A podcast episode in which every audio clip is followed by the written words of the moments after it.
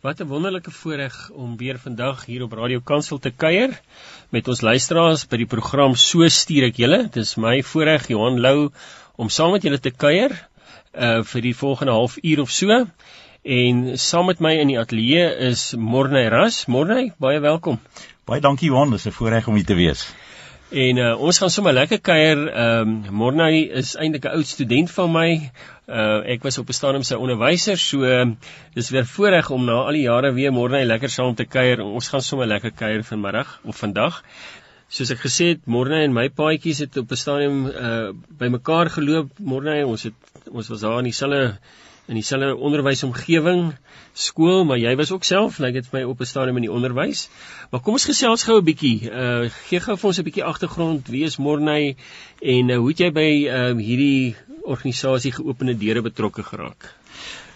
Goeiedag luisteraars, dis regtig lekker om saam met Johan te kuier. Ek moet sê, laas toe ek hom gesien het toe ek een van sy leerlinge was, het hy 'n langer kuif gehad as wat hy nou het. Sy kuif blink 'n bietjie op hierdie stadium, maar dis regtig lekker om hier te wees en ag ja, om te praat oor oor die die evangelie eintlik en om om God se naam groot te maak, want dit is eintlik waaroor hierdie program gaan. Dit gaan oor hoe het ons betrokke geraak? Hoe het ons betrokke geraak in sending? Uh soos Johan gesê het, ek was in die onderwys gewees vir 'n klompie jare en die Here het my geroep om 'n besigheidsman te word. En ek was altyd in die onderwystyd was dit altyd vir my 'n ding gewees om meer geld te maak. Baie meer geld te maak om baie dinge te hê en 'n nuwe lewenstyl te hê. En toe uiteindelik as ek uit die onderwys uit en uh ek het toe 'n klompie ander dinge gedoen en uit, uiteindelik het ek in die versekeringsbedryf opgeëindig en uh ja, in daai tyd het ek 'n geopende deure ondersteuner geword want toe ek as 'n jong seentjie groot geword het, het ek altyd die geopende deure nuusbriewe gesien wat my ma elke maand getrou gekry het en ek het die foto's gesien wat sy opgesit het in die kamer en langs haar bed altyd gelê het in haar Bybel. En en ek het daarna gekyk en ja, ek het die nuusbrief gelees en ek het gehoor hoe bid my ma vir die vervolgde kerk. En ja, dit het dit het 'n op daai stadium het ek nie gedink dit het 'n vreeslike invloed op my gehad nie, maar later jare het ek net weer besef uh wat se impak dit op my lewe gehad om te sien dat my ma betrokke was, dat my ma gebid het vir die vervolgde kerk en dit is wat daai saadjie geplant het by my. En toe ek uh, in die versekeringsbedryf was daai tyd het ek ook 'n ondersteuner geword van geopende deure en ja, ek wil nie 'n lang storie daarvan maak nie, maar ek was suksesvol. Ek was baie suksesvol gewees en 'n uh, uh, streekskampioen verkoopsman en meen daai tipe van goeders. En en dis waar ek wou gewees het. Ehm uh, die inkomste was goed gewees, die leefstyl het bietjie verander en natuurlik 'n ander tipe karre begin ry, daai tipe van ding. En uh, ja, uh, van daar af het die Here my geroep om China toe te gaan. Terwyl ek in daai bedryf was en ek het gesê Here, ek kan nie. Here, ek gaan ek gaan uh harder werk, dan gaan ek ander ouens stuur. Dan gaan ek ander ouens ondersteun om te kan gaan en ja, dit het ek gedoen en die Here het my geseën met dit en uh ek het ander ouens gestuur, baie ander ouens gestuur en nog steeds betrokke gewees by geopende deure en op op 'n punt het die Here vir my gesê, "So, wanneer gaan jy?" En ek was nie bereid om te gaan nie meen Johan, ek ek het goeie geld verdien en meen om miskien in die sendingveld in te gaan was altyd die ding wat ou gehad het in jou kop is daar's nie baie geld nie. En hoe bly 'n mens aan die lewe? Uh, dit is nogal 'n vraag. Wat, wat doen nou as jy nie meer 'n inkomste het nie? En uh, ja, uiteindelik het het die Here besluit daai paadjie moet stop en uh, die uh, bedryf het het op daai stadium met ek geen vervallings gehad in my in my polisse wat ek verkoop het nie oor die jare wat ek betrokke was nie. En dit was fenomenaal geweest en toe ewe skielik toe trek die Here die mat onder my uit en en ek wil nou nie in detail gaan nie maar ja uiteindelik was ek 'n bankrot man. Ek het alles verloor. Ek het my karre verloor. Ek het die eiendomme wat ons besit het verloor. Ek het alles. Ek het nie eens 'n bankrekening gehad nie. En op daai dag toe ek daar uitstap toe roep die Here weer. Toe roep die Here en toe sê die Here, man het weer of lê op my hart sê, wat van China? En toe sê ek, Here, ek het niks anders nie. Maar die ding is wat verander het, nou het ek ander mense nodig gehad om my te stuur. En so die Here my gestuur China toe en ek kan ek kan lank praat oor die ding en ek wil net sê die Here het my my geroep om China toe te gaan en ek het nie eens 'n rekening gehad. Ek het nie 'n bankrekening gehad. Ek het niks gehad nie ek is terug onderwys toe direk daarna en die kinders van die skool het my gestuur om China toe te gaan. En en wat daar gebeur het en en hoe my lewe verander het daar. As ek China toe en vir 'n hele klompie weke het ons Bybels oor die grens gesmokkel in die land daai tyd toe ons nog Bybels in China ingesmokkel het en en ek was anders toe ek uit die veld uit terugkom. Ek kon nie anders wees nie. Ek ek kon nie meer dieselfde wees nie. Ek kon nie ophou praat oor dit wat ek beleef het en die wonderwerke wat ek ervaar het nie en God wat ek ervaar het in die veld nie. En ek was 'n ander ou gewees. Uh ek moes net anders wees en op op 'n stadium het ek net op die punt gekom en gesê Here ek kan nie meer in die onderwys wees nie.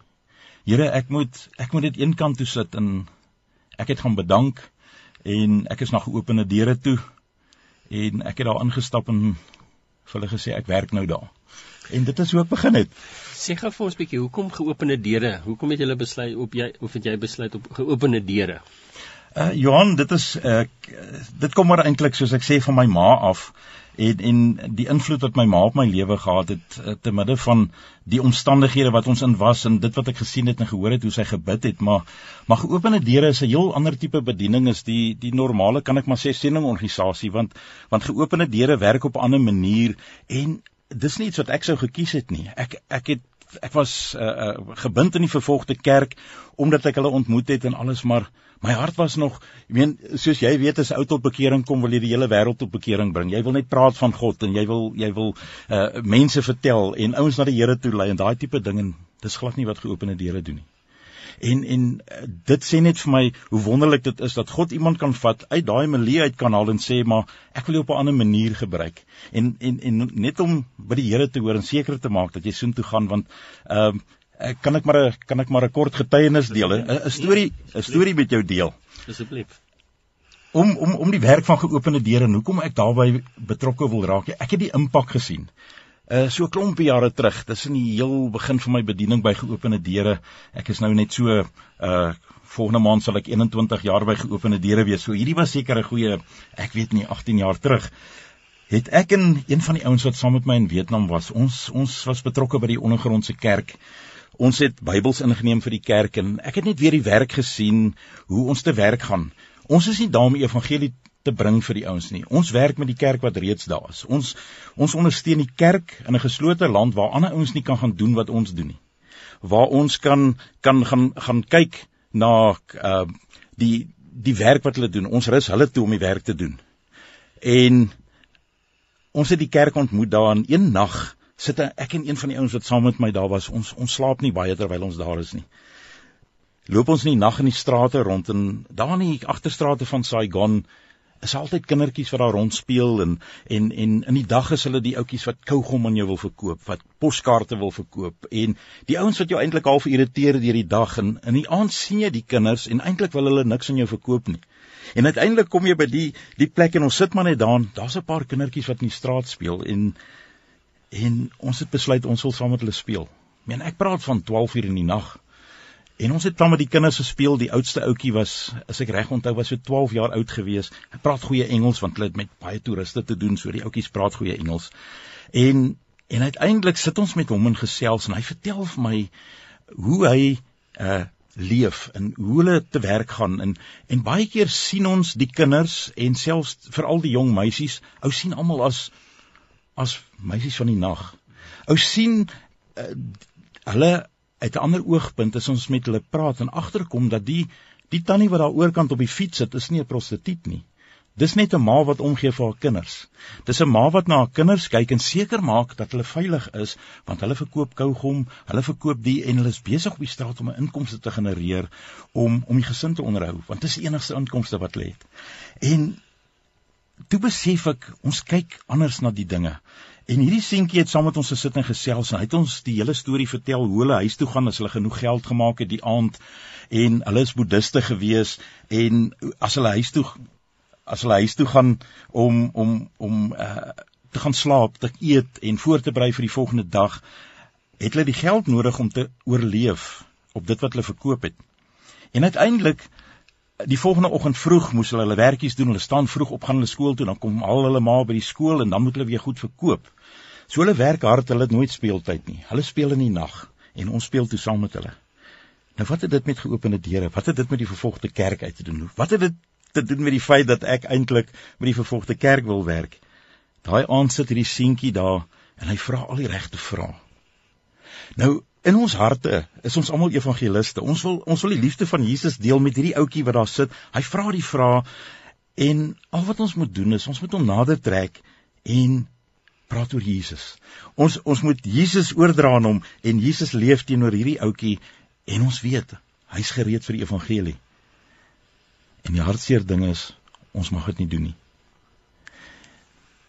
Hoe gaan ons te werk? Ons sit daar en ons praat met die een ouetjie en Ek is onmiddellik op daai stadium skoon bewoe en ek sit half in trane daar en ek kan nie verder praat nie en die ou wat saam met my is bid maar eh, bid maar vir vir my as ek met die ou praat en ek bid vir hom as hy met die ouetjie praat maar ons deel nie die evangelie nie. Ons ons raak aan 'n paar van die goed en uiteindelik laat ons hulle gaan en ons vind meer uit waar bly hulle op watter straathoek verkoop hy kougom deur die dag waar is sy ma waar is sy sussie en daai tipe ding. Nou hoe ons te werk gaan is ons werk met die ondergrondse kerk, die kerk wat daar is, die lokale kerk. Want die oomblik as as ek terugkom Suid-Afrika toe en ek het hierdie ouetjie na die Here toe gelei, dan sien hy straat. Daar's geen terugvoer nie. Hy ken geen ander Christene nie. Hy deel dalk hierdie goeie nuus wat hy gehoor het met sy ma en sy ma is nie baie uh, opgewonde oor hierdie nuwe geloof wat hy gekry het nie en daar's groot probleme. Uiteindelik ervaar hy vervolging en hy weet eintlik nie eens hoekom nie. En en dit is wat ek daar ervaar het en ek besef die manier hoe geopende deure te werk gaan. Ons kan daar wees. En ons kan hierdie ouetjies ervaar en wat ons gedoen het, ons het met een van die kerkleiers wat daar werk gesê, dis hierdie ouetjie se naam. Dis waar hy poskaarte verkoop. Sy sussie is hier. Sy verkoop kougom en sy ma so en so en ons het al sy besonderhede gekry en vir die kerk gegee. En die kerk het uitgereik na hierdie klein seun toe. Uh en ek weet nie wat verder gebeur het spesifiek met hulle nie, maar die kerk het uitgereik en ons het 'n kerk agtergelos wat iemand kan ondersteun.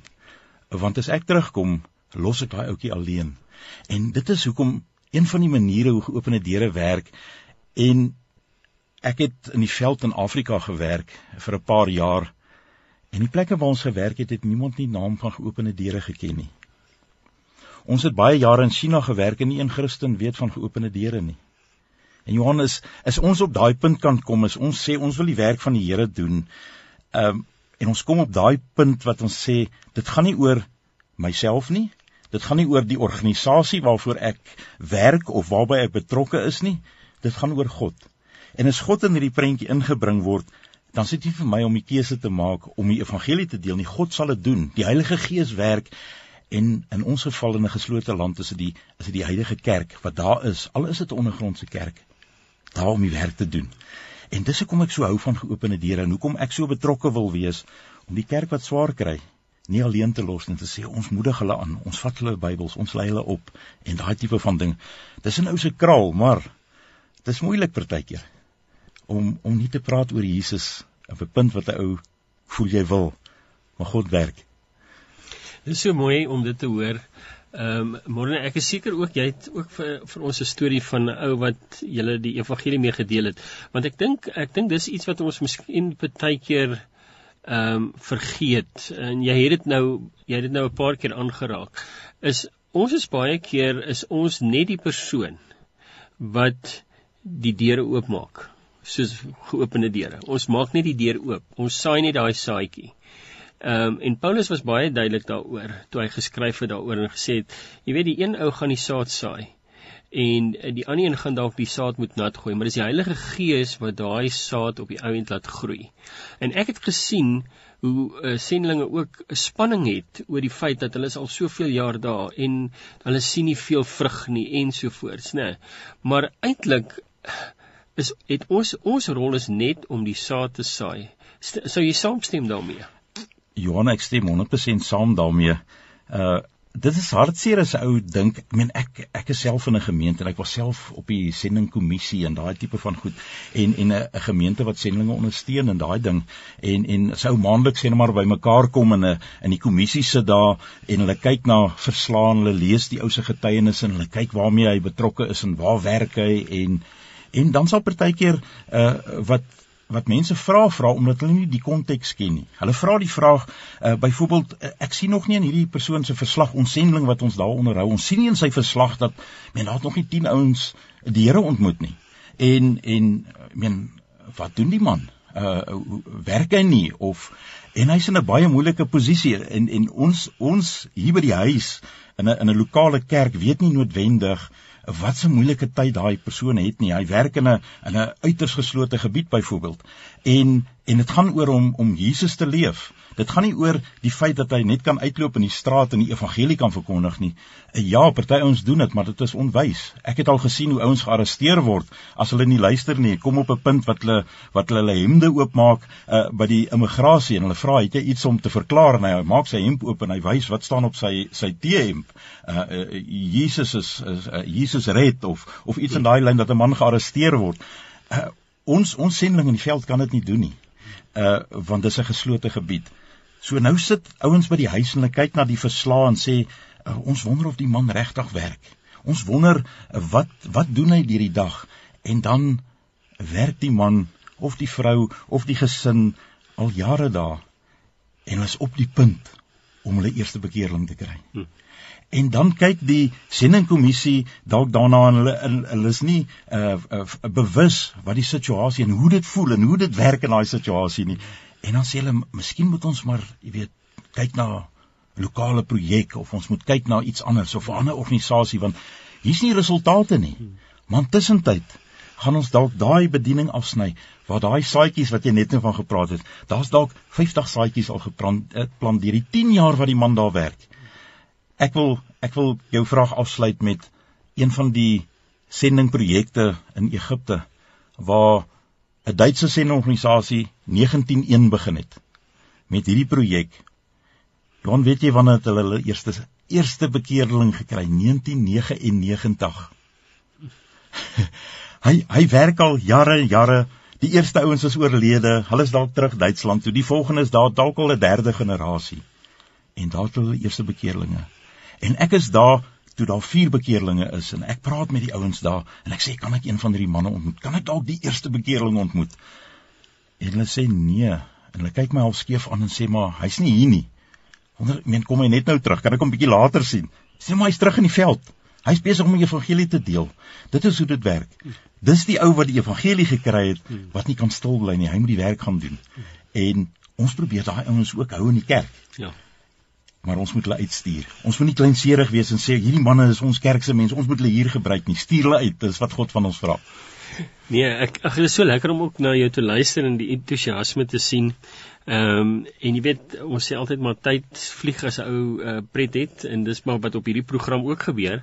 Ehm um, maar ek wil gou by 'n punt uitkom wat eintlik die doel van ons uh so stuur ek julle program ook is en dit is om om uh ouens wat na die program luister. Ehm uh, en en dit kan in ander lande wees, dit kan nie plaaslik wees wat ouens na die program luister. Ehm um, om om by die vraag uit te kom, ehm um, is hoe maak ons Suid-Afrikaners, hoe maak ons uh ons mense van die gemeentes en die kerke. Hoe maak ons hulle opgewonde? Hoe kry ons hulle aktief betrokke by sending? Want die ervaring wat ek gehad het in die klompie lande waar ek betrokke was en gewerk het, het ek gesien Suid-Afrikaners het guns Ons het geweldig guns by die mense. So iewers hou mense van ons. Uh en ek weet nie of dit ons sin vir humor partykeer is nie wat almal nie verstaan nie en asof dit net ons vriendelikheid is, jy weet, ehm uh, uh, ons groet mekaar. Jy weet op 'n stadium met uh, my seun byvoorbeeld het uh uh um, was daar uitruil studente uh, wat wat hier kom kuier het. Uh En hulle vra toe vir hom op 'n stadium, "Maar ken jy al hierdie mense?" Toe sê hy, "Hoekom?" Toe sê hy, "Nee, hulle sien hy groet almal." Verstaan, maar dis wie ons is. Ons is mense wat groet. En dit maak my hart seer as ek sien van ons jonger mense in die pad, hulle draf of iets en dan groet hulle nie meer nie, jy weet. Maar ons is Suid-Afrikaners, is vriendelike mense. Ons is ons is eintlik goeie mense diep in ons hart. Ehm um, buiten dat ons nou die Here ken. Ehm um, Is daar nie 'n boodskap vir vir ons en vir die gemeentes en vir die gewone lidmaat om te sê raak betrokke? Ehm um, daar's iets wat ons het. Ons weet dit is die Here self, maar hoe raak ons? Hoe kry ons hierdie ouens geaktiveer? As jy dit so in 'n paar sinne vir ons kan gee. Johan, ek dink uh, een van die dinge wat jy spesifiek aangeraak het is die die vriendelikheid. Ek dink as ons uh byvoorbeeld die Midde-Ooste vat. As ons Afrikaanse ouens of ons Suid-Afrikaanse ouens daar kom, Uh ons verstaan nie die kultuur regtig nie, maar ons kan baie makliker inpas by dit. Want dit gaan juis oor die feit dat ons by mekaar stop en gesels. Ons gee om, ons vra vir mekaar hoe gaan dit? En ja, dit is nie altyd so nie, maar baie keer sal ons iemand vra hoe gaan dit en ek vra dit eintlik omdat ek regtig belangstel. En dit is wat ons daar optel ook is, hulle hulle gee om vir mekaar. Maak nie saak hoe goed jy die ou ken nie. Hy sal stop en hy sal 'n ou sien wat hy maande terug gesien het wat nie eintlik sy vriend is nie. Dis die ou wat sy gordyne aan hom verkoop het 5 jaar terug en hy ontmoet die ou in die straat, dan gaan hy daar op die sypaadjie sit. Hy gaan wil hoor hoe gaan dit met sy familie en hy gaan wil hoor wat doen hy nou en waarmee is hy besig en daai goed. En en ek dink dis een van die dinge wat ons as Suid-Afrikaners baie mee kan assosieer. Ons hou van gesels. ons ons ons hou daarvan om te weet hoe gaan dit met mekaar en en mekaar se families en mekaar se families te ken. En dis een van die dinge wat ons het wat ons nie mo moet ophou om te doen nie. Ons moet stop en gesels. Ons moet stop en vra hoe gaan dit en regtig omgee. Maar hoe kry ons hoe kry ons iemand betrokke? Uh, iemand sit nou by die huis en hulle luister na die program en hulle vra die vraag, "Jog, dit klink so dit klink so goed. Dit uh, ek wil nie sê dit klink romanties nie, maar dit klink so so lekker. Hoe raak so ou betrokke? Wat dink jy sal die eerste stap wees wat so ou kan doen?" Uh Johan, ek dink om om betrokke te raak, miskien op hierdie stadium is om eers meer te weet vir wat aangaan. Uh wat wat gebeur in die wêreld? Waarvoor kan ek bid? Want baie van ons voel ek moet 'n sendeling in die buiteland word, maar ek uh kan nie gaan nie. Ek is dalk miskien al in die aftreeoord. Ek kan nie ek kan nie uh fisies oorgaan nie, maar ek kan bid. Ek kan tyd spandeer in gebed. So, ek wil graag vir die vir die luisteraars vra. Uh as u wil inteken, as u gebedsversoeke wil kry, as u inligting wil kry, SMS ja na die na die volgende nommer toe. Dis 43699. Dis SMS ja na 43699. En dan ook vir die van van die wat internet het of so kan gerus gaan kyk na my YouTube kanaal uh God se Universiteit. Daar deel ek 'n klompie stories uh in moeilike tye. Hoe dra God ons deur moeilike tye en dit wat ons by die vervolgde kerk gaan leer het, hoe om om deur dit te kom en dinge en ervarings oor die laaste 20 jaar. So ja, ek Raak betrokke eerstens deur te bid, want ons almal kan in die veld wees. Jy hoef nie fisies daar te wees nie. Jy is in gebed daar. En dan natuurlik soos jy sê, vind 'n bietjie meer uit en uh, en luister ook, want die Here druk ook lande op ons op ons hart. Die die Here druk ook bevolkingsgroepe op ons hart, nê. Nee. So begin vir daai volk uh, bid, vir daai land bid.